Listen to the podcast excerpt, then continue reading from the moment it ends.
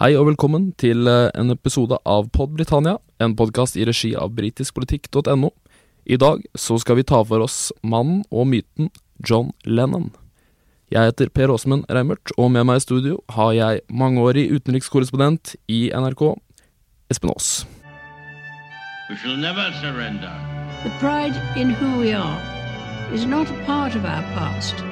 It defines our present and our future. The people of Scotland have spoken. England, Scotland, Wales, Northern Ireland together, taking us forward, unleashing the potential of the whole country. 8. desember blir John Lennon skutt og drept av Mark Chapman i New York. Det er nå 40 år siden, og jeg har lyst til å spørre deg, Espen. Husker du at dette skjedde? Jeg gjør det. Jeg var jo sju og et halvt år omtrent. Det var jo mørkeste desember her eh, hjemme i Norge. Og det var jo veldig rart. Uh, altså, Foreldrene mine var uh, Beatles-fans, uh, og vi hadde vel i hvert fall sikkert Imagine plata til, uh, til enden i, i albumbunken. Uh, og det ble en sånn veldig rar stemning. Uh, og jeg vet jo ikke alltid om jeg husker TV-bilder fra senere, eller om det var fra da, men jeg husker bare helt vanvittig mye lys som ble tent overalt, og man skulle ha sånn som da Elvis døde med noen år før, tenne lys i vinduene. og så er det veldig brutalt å høre når du er sju år at noen skyter og dreper en musiker. Uh, og i tillegg var en fan. Uh, så jeg syns det var veldig vanskelig å, å, få det der til å stemme. Uh, og mange har du fortsatt ikke fått det til å stemme. Hvis du er så glad i John Lennon, så hvorfor i all verden skal du gå og drepe ham? Husker du hvor du satt? Altså, jeg tror det var dagen etterpå uh, som, uh, som, jeg først og fremst uh, husker, og at det var da en litt sånn spesiell stemning. fordi at det, dette må ha skjedd ganske sent norsk tid, ut fra, fra tidsforskjellen. men det er sånn, sånn rar tomhet og en sånn tristhet over noen som ingen kjenner. Og det var kanskje første gang som man opplevde litt sånn masse, massetristhet. Uh, som nå er mye sterkere enn før pga. internett uh, og alle disse tingene. Men da var det jo i NRKs uh, radiosendinger og, og, og, da mest sannsynlig Dagsrevyen på kvelden som jeg husker da disse bildene uh, av, av, veldig triste mennesker og, og lysene som ble tent utenfor hjemmet hans. Hva tenker du Lenn betydde for folk? Han var jo helt vanvittig viktig. Åpnet jo så mange dører og har jo blitt symbol på, på så mye. Eh, også den, skal vi si, eh, egne perioden hans etter Beatles, hvor han kunne være mye mer individualist, eller dualist, siden Yoko Ono absolutt var med eh, hele tiden. Eh, så var han jo eh, vel den i Beatles som hadde de videste ideene, som etter hvert, når de begynte å skrive spennende tekster, som de overhodet ikke gjorde til å begynne med, eh, hadde mest å by på der. Men også et utrolig eh, musikkego, men det var jo det som bygget opp den eh, myten. Han skulle ikke snakkes til, han skulle ikke fortelles eh, noe. Og så klarte han jo både å lage utrolig mye bra med, med Beatles, men en del i hvert fall eh, solotingene hans på, på 70-tallet uh, har jo blitt stående igjen som uh, klassikere på, på, mange måter. Også noe av det materialet som, som ble funnet senere, som ble, ble ute som Instant Karma og sånt som kom mange år etter han døde. Vil du si John Lennon nesten er større enn Jesus i Storbritannia? Ja, altså, jeg tror mange briter har et litt sånn komplisert forhold til John Lennon. For jeg, jeg spurte en kamerat i går, faktisk, eh, som jeg vet har eh, Han er ikke fra Liverpool, han er fra Øst-London, men eh, ordentlig working class-fyr eh, som litt tidlig 50-årene. spurte han men hva, hva, tenker du om, om John Lennon, og så sa han eh, mitt problem med John Lennon var jo han var jo en suksesshistorie. Eh, kom fra et broken home, eh, vokste opp hos tanten sin, eh, levde på, på, på, veldig lite og ble til noe stort. Men så venta han da egentlig Storbritannia og Liverpool, England, alt sammen ryggen. og så flyttet han til USA og ble en sånn stor, rik fyr som trodde på fred og uh, spiste riktig mat og, og, ble noe helt annet. Så jeg tror det er litt sånn sammensatt. Men ikoniseringen av, John Lennon og eh, Beatles i f.eks. Liverpool, når man reiser dit, er jo enorm. Eh, du finner jo gatemusikere som eh, står og spiller Beatles-låter overalt. Du har disse Beatles-tourene og selvfølgelig mm, hele museet nede i havneområdet der. Så det har jo vært den viktigste eksportvaren kanskje noen gang for Storbritannia. Det tror jeg det er veldig liten tvil om. Er dette noe briter har et uh, problem med når, når liksom folk blir litt uh, for store? Altså, altså flytter dem bort. Vi hadde nylig en podkast om Sean Connery, som jo også er jo en stor helt i Storbritannia, men som da flytter uh, langt vekk til Bahamas og lever rikt og godt der. Ja, og det er jo mange av dem. Eh, David Bowie forlot jo London, østkant, og, og, og levde i, i, New York. Elton John. Altså Når du blir stjerner, så er plutselig ikke eh, England eh, bra nok. Og mange ganger, trist nok, så handler det om at skatteordningen ikke er bra nok. Alle husker jo Beatles hadde jo også et veldig Eh, hva skal vi si, komplisert forhold til britiske skattemyndigheter. og Laget sang om det, Taxman. Taxman og, ja. eh, sikkert for, for, vanlige folk, fordi den Beatles-historien er jo helt fantastisk. Eh, og jeg, tenk, jeg, har jo tenkt på nesten hver gang eh, jeg har vært i Liverpool. Og når du kommer med London-toget eh, til Liverpool, så går det an på plattform 7. Eh, som er en av plattformene da på, på, på jernbanestasjonen i Liverpool. Og det var jo der Beatles-gutta gikk da de tok toget inn til London for første gang, eh, og de skulle ta steget eh, inn i, i, platebransjen og etter hvert da bli verdens eh, største stjerner. Og Liverpool er jo en by jeg er veldig glad i, men vi må også være helt ærlige på at det er også en, en by med store sosiale problemer. Alltid vært det. Ekstrem eh, fattigdom. Og det er noen kvartaler i, i Liverpool du nødig vil gå i, i på, på kveldstid. Jeg vet ikke hvor farlig det er der, men dette er eh, store, fattige slumområder. Og det at fire utgangspunktet da enkle gutter, det var litt forskjellig bakgrunn på dem, for så vidt, men særlig John Lennon, da, som kom fra en veldig litt privilegert eh, bakgrunn, da kan gå derfra til å bli en, eh, en verdensstjerne som han ble. Jeg har liksom fortalt at, blitt fortalt at Lennon han, han skilte seg litt ut blant de fire pga. at han kanskje var på et sosialt hakk, altså en klasse litt over de tre andre, som kom fra litt mer tradisjonelle arbeiderklassefamilier. Eh, hvordan har det spilt inn eh, videre i Lennons karriere, tror du? Altså, han hadde jo litt sånn ADHD-type. Aldri, aldri, rolig, aldri nedpå. Uh, det var vel ikke uten grunn til at det var faren til Paul McCartney som advarte Paul McCartney om å henge med, med John Lennon, fordi at han var ikke helt som alle andre. Men jeg tror det var det du trengte å ha.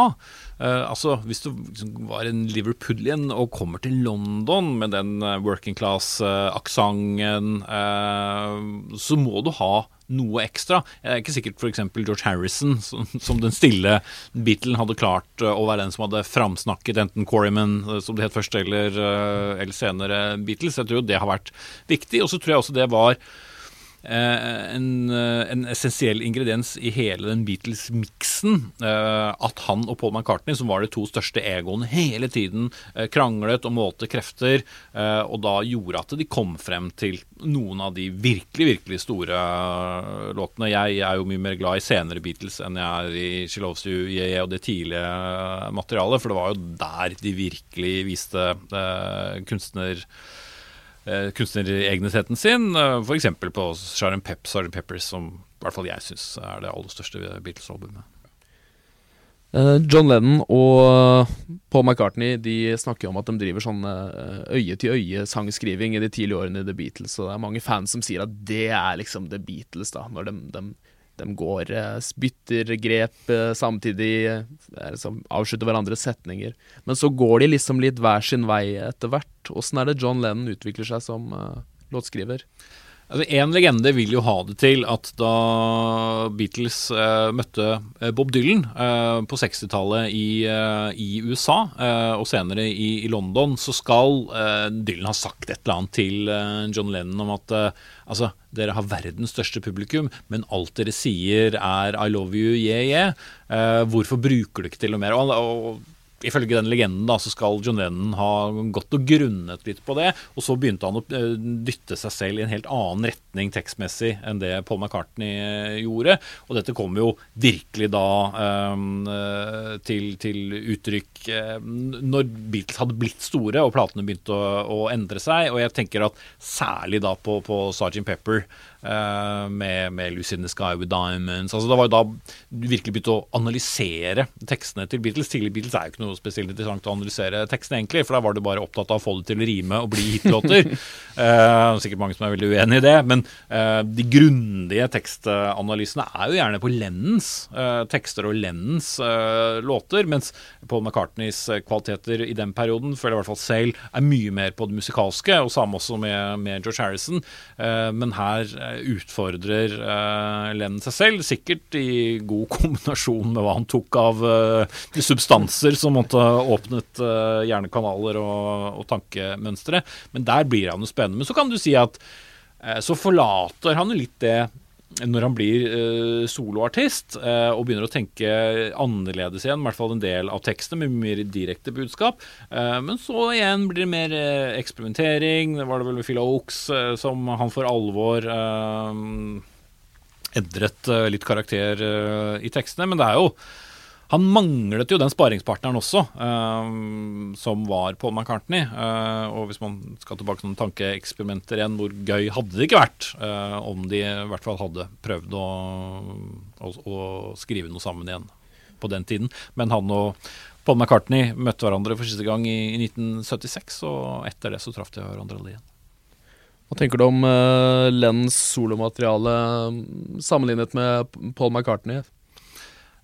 Så det er jo veldig sammensatt. Eh, 70-tallet var jo et eh, rart år, men eh, det var jo Altså Der er jeg for ung til å liksom først oppleve The Beatles, og så oppleve solokarrieren. Så har jeg måttet lytte meg inn på det etterpå. Men det er jo ikke tvil om at John Lennon har det mest spennende eh, av de to. Eh, Wings eh, var jo helt trygt eh, og fint, men hvis du hører på en Paul McCartney-konsert, så er jo alltid det kuleste han kan spille, er jo egentlig ting fra Beatles-katalogen. Det er jo ikke så mye av uh, hans egen solokarriere som er så stort. Mens Lennon har jo om ikke annet så vil han alltid ha f.eks. Imagine. Eh, og så er det noen av de platene som er litt mer uh, hva skal vi si, kompliserte å, å, å tilnærme seg. men han hadde jo noe, og så er det litt mye Yoko Ono og litt mye dominerende produsenter og sånn inne i dette, men uh, det er jo klassikere. Han har jo sagt at uh, jeg har samarbeida med to personer i hele mitt liv. Det er Paul McCartney og Yoko Ono. That ain't bad picking, er vel sitatet. Åssen uh, hva er det Yoko Ono Hva slags innvirkning har hun på John Lennon, er ditt inntrykk? Hvor mange timer har vi? Det har, jeg, det har jo blitt spekulert i av ganske mange. Det var, det var jo helt åpenbart at hun fylte jo et, et hull i hans liv, og et en form for morskompleks har han jo hatt. ikke sant? Han, han øh, vokste jo opp øh, hos øh, tanten og onkelen sin. Eh, det er en rekke halvsøsken eh, innad eh, i familien. Det er veldig kompliserte forhold. Han var jo først gift med en som fikk barn med, og så fikk han jo barn med, med, med Yoko. Men jeg tror hun eh, fylte en viktig plass i hans liv, som jeg sier. Men samtidig så var det ikke plass til Beatles der samtidig.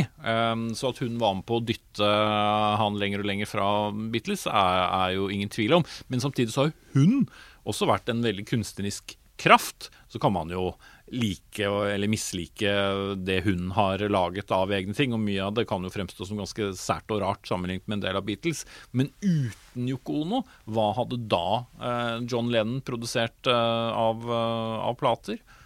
Hvem vet? Og så har du jo, du har jo artisten John Lennon. Men så har du jo også aktivisten John Lennon, og her har jo Yoko Ono hatt sitt å si. Men hva, er ditt take på aktivismen han eh, bedrev, spesielt da i USA.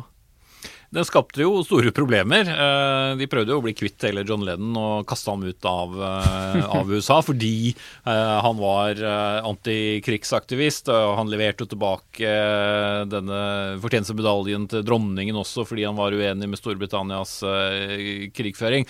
Men så er det jo mange som har pekt på at ah, stakk det egentlig så dypt? Han var jo en, eh, en rik fyr med uh, en god, uh, god plassering uh, i, i, New York og brukte det for hva det var verdt. Men uansett, jeg tror fredsbevegelsen, i hvert fall veldig lenge, kunne jo bruke Leno, sånn som Give Peace a Chance.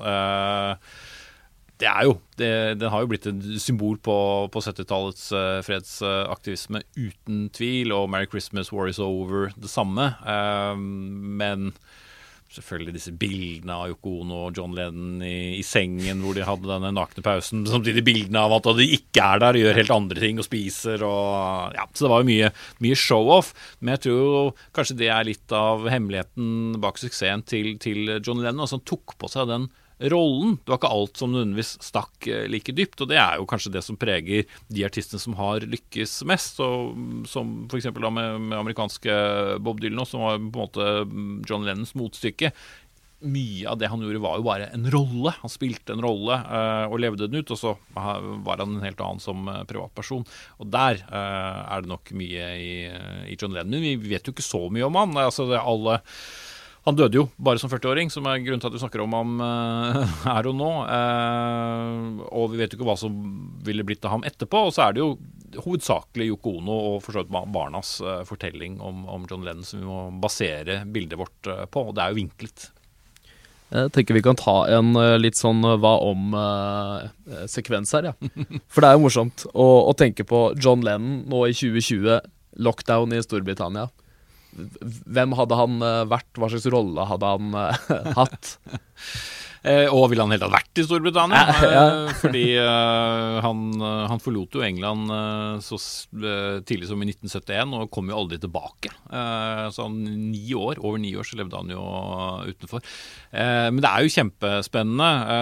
alle de tre andre Beatles-gutta fortsatte jo med musikk. Uh, men ville han gjort det? Altså, han kunne funnet på å gjort helt andre ting fordi han hadde så sterke eh, meninger. Eh, han kunne jo blitt en forfatter, han kunne begynt å jobbe med, med TV, med, med, film.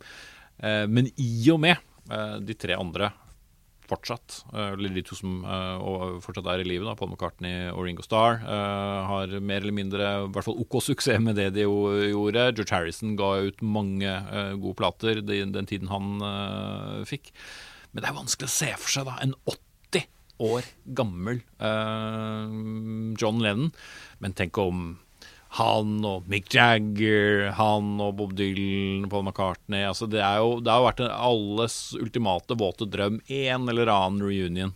Uh, altså Dette er fælt å snakke om, da, men det er jo noe som heter å outstay your welcome òg, ikke sant? Altså Lennon jeg hørte nå nylig på en Double Fantasy-plata han slapp rett før han ble skutt og drept. Du hører antydning til 80-tallstrommer som kommer inn der, og det slår meg som et tiår som ikke hadde kledd John Lennon veldig, veldig godt. Uh, Paul McCartney har vel sagt noe sånt som at han syns det er liksom litt kjipt det at Lennon døde også fordi at han har blitt hylla så veldig, og det ble liksom bare han, plutselig. og all liksom æra forsvant litt fra de andre. Eh, har, det, har, han et poeng i det? Jo, det har han nok, fordi at eh, veldig mange av 60-tallsstjernene slet gjennom 80-tallet. Uh, eh, altså, jeg vokste opp på 80-tallet, og sånn musikalsk sett så var det grufull tiår. Det kom ganske mye Det kom for så vidt ganske mye spennende britisk tidlig tiår med ska og en del sånne musikksjangre, men det var jo nye band. Uh, men altså Soloplaten til Mick Jagger, uh, David Bowie syns jeg jo tidvis var helt katastrofalt på 80-tallet. Musicalen til Paul McCartney, 'Give My Regards to Broad Street'. Jeg har jo den platen. det mest spennende der er jo egentlig nyinnspillingene som han gjorde av gamle Beatles-låter, og ikke hans nye ting. Eh, George Harrison hadde vel på slutten av 80-tallet, hvis ikke det var begynnelsen av 90-tallet, eh, en, en OK hit med 'Got My Mind Set On You', men det var jo mye trommemaskiner eh, og mye av det kjipe som, som, kom, så du kunne jo fort ha fått det med, med John Lennon også, med, med, mye synter og fargerike skjorter. Så sånn sett så hadde han jo, jo flaks, og vel ikke et eneste stjerne fra 60-tallet som egentlig kom seg godt gjennom 80-tallet, men mange kom seg jo på, på fote igjen på 90-tallet. Eh, Espen, du har jo eh, jobbet eh, mange år som utenrikskorrespondent i London. Og jeg forstår det sånn at du har møtt både søstera til John Lennon og også hans kjæreste, elskerinne, i det som kalles The Lost Years, når han var borte fra Yoko. Ja. hvordan eh, var disse møtene? Nei, det var, jo, det var jo veldig spennende. Jeg ble invitert til eh, Liverpool for å dekke at eh, John Lennons siste studiopiano skulle stilles ut da på, på Beatles-museet i, i Liverpool. Og det var jo gøy nok i seg selv for en musikknerd som meg. Men det som og jeg, jeg tenkte det var det. Eh, Men så viste det seg jo da at den ene halvsøsteren hans, eh, Julia, som nå heter eh, Baird, var der. Og jeg fikk møte og snakke med henne. og men det var jo også litt sånn vondt, for det var jo tydelig at hun hadde et litt sånn sårt forhold til hele John Lennon. Det at han vendte jo egentlig den litt sånn fragmenterte familien sin ryggen og reiste fra Liverpool. Siste gangen han var der, var for å besøke tanten sin på tidlig 70-tall.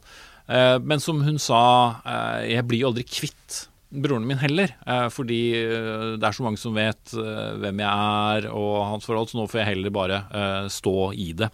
Og hun May Pang har jo en litt mer sånn komplisert eh, historie. Hun jobbet vel for eh, John Lennon og Yoko Ono, og så eh, ble John Lennon fascinert da det var litt knute på tråden med, med Yoko Ono, og så bare sluttet han å ta telefonen. eh, fordi han begynte å holde på var vel 18 måneders tid med hun eh, May Pang, og så eh, vil vel legenden ha det til at Yoko Ono til slutt klarte å komme i kontakt med John Lennon og sa til ham at hun hadde funnet eh, en eller annen sånn mirakelkur for å klare å slutte å røyke, eh, som han da var interessert i. Og så dro han tilbake til, til Yoko, og så svarte han aldri eh, hun med pang igjen, så da eh, var han nå tilbake eh, hos, hos Yoko. Men det var jo Altså, jeg møtte henne da i, i 2015, så det var jo også mange år etter, eh, etter døden hans. 25 år, eh, eller 35 blir det til og med. Og da eh, var det jo likevel tydelig at hans eh, periode da var jo en vanskelig tid. Eh, han hadde slitt seg fra, fra Yoko, og hans forhold til barna har jo alltid vært eh, litt eh, komplisert. Og også en utfordrende eh, periode kunstnerisk. Men han ga jo aldri opp musikken. Gikk i studio, jobbet med forskjellige produsenter. Kranglet veldig med forskjellige produsenter, og kom jo eh, fram til i hvert fall eh, noe. Eh, og også den gamle mm, eh, Brian Epstein, som jo var en viktig Beatles-mann fra, fra, fra Liverpool, eh, traff jeg også flere kjente av. De satte jo opp egne eh, et eget teaterstykke da om liksom den, den femte Beatlen. eh, han som alltid var med og hjalp til. Ja, Når det kommer til eh, familie og lenn, hvor eh, hvor mye av artisten man ser eh, etter hvert tror du dannes i de tidlige barndomsåra med eh, mor, og, mor som stikker av, far som eh, stikker av, vokser opp hos eh, tanta si. Hans første låt, eh, 'Mother', da, synger han vel eh, 'Mommy don't go, daddy come home'. Ja, som jo var på en måte det som, det som skjedde. Altså, Søsteren til moren måtte jo komme inn og be om å få foreldreretten. Eh, men samtidig, det var moren som eh, kjøpte den første gitaren eh, til John Lennon. Men det er jo komplisert. Jeg tror alle som har opplevd en, en skilsmisse i tidlige barneår, vil alltid uh, ha med seg det. Uh, og kanskje den hendelsen i, i John Lennons liv som har vært vanskeligst, var jo da foreldrene ba ham om å velge. Skal du bli med mamma, eller skal du bli med pappa? Og så blir han jo først med faren sin og går, og så hører han moren gråte. Og så lille John Lennon, eh, bare en guttunge, snur seg da, eh, og så løper han etter moren, velger moren over faren, som han jo knapt hadde noe kontakt med. Og så ender han da opp med å måtte flytte inn hos uh, søsteren til, uh, til moren. Så et ganske, ganske komplisert uh, familieforhold. Og det smerte er jo ofte det som får poeter og musikere til å ta ut det beste i seg. Og det er nok mye gammel, vond smerte som, som John Lennon har kunnet ta med seg, og ikke minst fordi han skilte seg jo eh, fra sin første kone litt til og fra med, med Yoko Ono, og det var vel ikke alltid så lett å være Julian eller Sean Lennon heller. Til, eh, til slutt, eh, du er eh, stor Beatles-fan og du er stor Ron Lennon-fan. Har du noen favorittsanger eller høydepunkter fra katalogen hans? Altså, jeg øh, liker vel sikkert mye av det mange liker. Jeg liker jo også mye av Beatles øh, senere Beatles-katalogen. men av en eller annen grunn så har jeg et veldig sterkt eh, forhold til en Happy Christmas War is Over. Jeg tror fordi at den ble spilt så mye etter rett etter han døde. Så jeg fikk en helt pussig opplevelse en gang da jeg, da jeg jobbet på NRKs kontor i Vestfold på 90-tallet, eh, hvor jeg var sånn 20-21 år, og så spilte jeg den, og jeg fikk en sånn reaksjon at jeg holdt på med å gråte av den sangen. Eh, så den står jo eh, veldig der. Så elsker jeg jo selvfølgelig Imagine, og da den Instant Karma ble en sånn hit på sen 80-tall, begynnelsen av 90-tallet, da de pusset opp gamle mm, demoer. Men som med alle artister er glad i, det, skifter hele tiden. Det skifter. Heldigvis. Med det så tror jeg vi kan uh, si uh, takk for uh, dagens episode, og så kan vi jo anbefale alle å sette på Happy Christmas, War is over når jula kommer. We shall never surrender. The pride in who we are is not a part of our past. It defines our present and our future. The people of Scotland have spoken. England, Scotland, Wales, Northern Ireland together, taking us forward, unleashing the potential of the whole country. Order!